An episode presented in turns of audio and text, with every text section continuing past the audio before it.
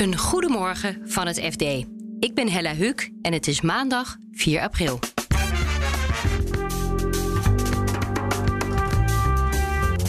Er zijn grote zorgen over de Chinese betrokkenheid bij het leveren van grote stroomkabels in Nederland. In de toekomst zouden we voor elektriciteit afhankelijk kunnen worden van China.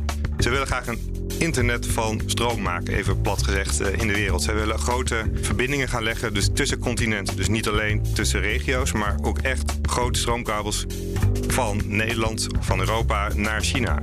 Echte innovatieve tech-startups moeten alles uit de kast halen om aan geld te komen. Met het risico dat we het nieuwe ASML mislopen.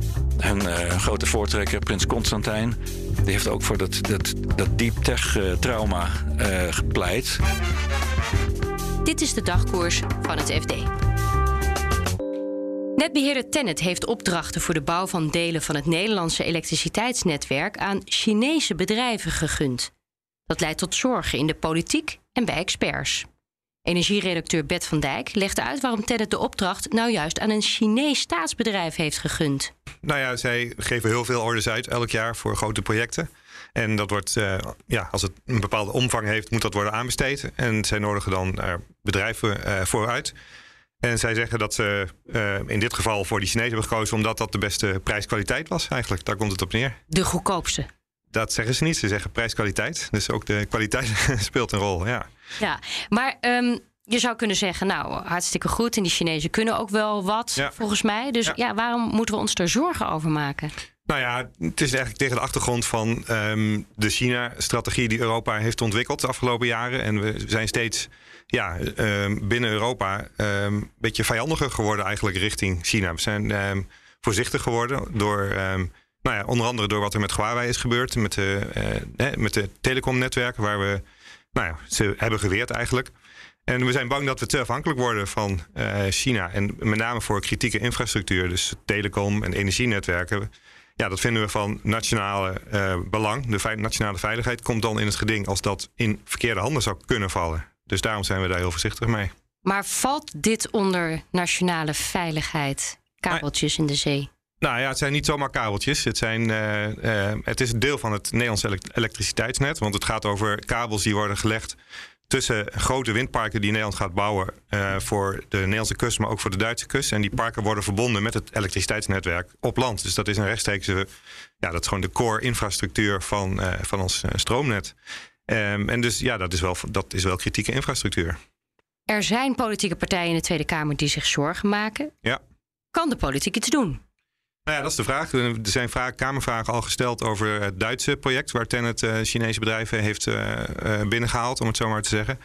Ehm, maar die Kamervragen zijn nog niet beantwoord. De Jetin heeft daar uitstel voor gevraagd. Dus nou ja, daar moeten we eigenlijk nog op wachten om te kijken wat hij daarmee gaat doen.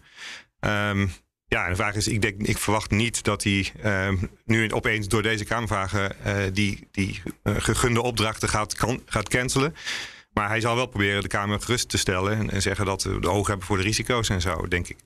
Maar jij noemt even Duitsland. Dit, dit probleem is dus wel groter dan alleen Nederland. Ja, ja, zeker. Want het gaat ook over Duitse windparken. En, uh, en Tennet is natuurlijk binnen Europa wel de. Ja, volgens mij is het de grootste netbeheerder.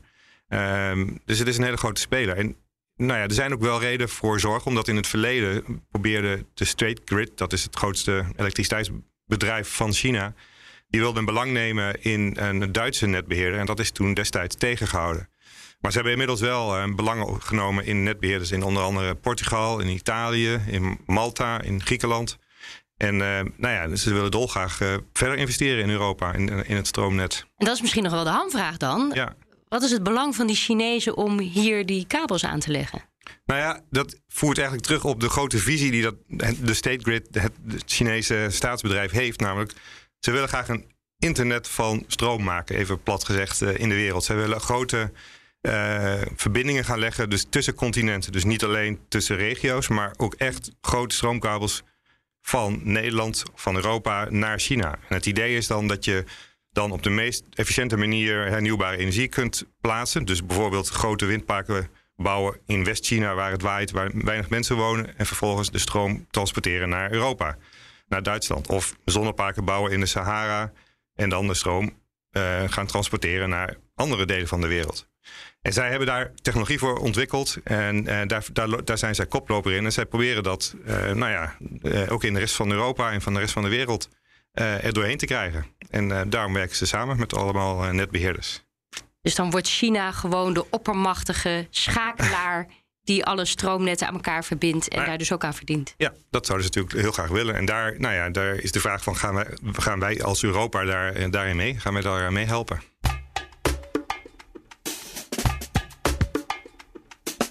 Waar de investeerders in de rij staan voor webwinkels, bezorgdiensten en fintechs, moeten start-ups die nieuwe technologieën ontwikkelen hard zoeken naar kapitaal. En dus klopt de Nederlandse start-up wereld aan bij rijke ondernemers. Tech-redacteur Jan-Fred van Wijnen legde uit waarom investeerders niet staan te springen om geld uit te geven aan dit soort bedrijven. Het gaat om een categorie jonge bedrijfjes die gewoon hele moeilijke dingen doen. Die halen een uh, chemisch patent van de plank of die willen iets met robots en uh, het is er nog niet en misschien komt het er ook nooit. En ze moeten heel lang knutselen en proberen en mislukken tot er misschien een, een product is. En dan pas zouden ze in aanmerking komen voor een investeerder. Dus dat soort bedrijfjes, wel mensen die zulke bedrijfjes bedenken, die hebben het doorgaans moeilijk. Ze komen er wel, maar ze zouden wel wat meer geld kunnen gebruiken. Ja, dus iedereen stapt wel heel makkelijk in de, in de gorilla's en de e-commerce bedrijven, minder in dit soort. Ja, dat eh, zijn, dat zijn de, de makkelijk schaalbare bedrijven. Ja, niet dat ik dat nou zo makkelijk vind, hè, dat je een bezorgbedrijf ineens over heel Europa uitrolt. Maar over het algemeen softwarebedrijven en software as a service, platforms. Je maakt het één keer. Ik zeg, ik, ik zeg nu expres heel ja, simplistisch. Je het een beetje, ja. Nu heb jij een paar investeerders gesproken die wel in deze bedrijfjes investeren, die, die, in die in die hardware zitten, in die nieuwe technologieën, patenten. Forward One, dat is een uh, nou ja, voor ons wat nieuwere uh, investeerder. Die kwam, die kwam toch met een inzicht waar wij ook even over moesten nadenken. Uh, en we komen nu ook goede voorbeelden daarvan tegen. Dus die zegt, dankzij de 3D-printtechnologie wordt het veel makkelijker om echte harde techniek, hè, wat je kan beetpakken, uh, ik zeg maar even weer simpel robotjes.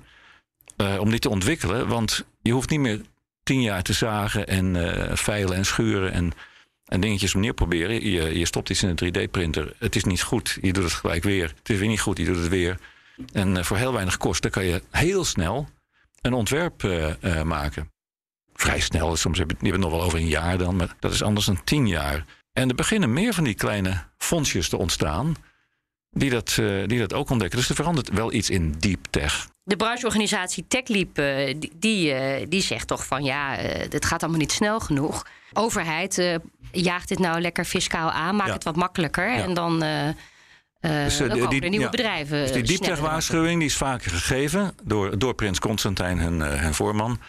En die heeft ook al eerder, ook in onze krant, geopperd dat een goede fiscale stimuleringsregeling, die zou het geld uit de zak kloppen van, van de business angels. Hebben we dat woord al toegelicht, business angel? zeg maar de ondernemer die zoveel geld met zijn bedrijven verdient... dat hij ook weer gaat investeren. Nou, dat, dat, is, dat was zijn pleidooi al een paar keer. Dus er moeten betere regelingen voor die angels komen. Um, nu komen ze met een rapport... wat eigenlijk gaat over alle techbedrijven en alle angels... Als je maar genoeg fiscale aftrekmogelijkheden hebt, dan worden de risico's kleiner. En dan kan die categorie investeerders, de, de business angels, die kan zich dan met deep tech gaan bemoeien. Die kan ze door die, die vroege fase heen helpen. Maar heeft TechLeap een punt, denk je? Dat uh, als het niet beter fiscaal gestimuleerd wordt, dat wij dan niet de ontwikkeling nou, van die bedrijven hebben? Dat moet blijken. Hè, want wij spraken ook ondernemers die zeggen: ik investeer toch wel. Ja, leuk als we uh, belastingkorting krijgen. Maar als we het niet krijgen, zo is Nederland nou eenmaal. Dan investeren we ook. Dus of dat echt iets gaat, uh, gaat bijdragen, nou, dat, ja, dat, dat, dat weten we over een jaar. Ik bedoel, als überhaupt ooit die fiscale regeling er komt. Hè, want het is maar een voorstel van TechLeap. En uiteindelijk, zij gaan er niet over.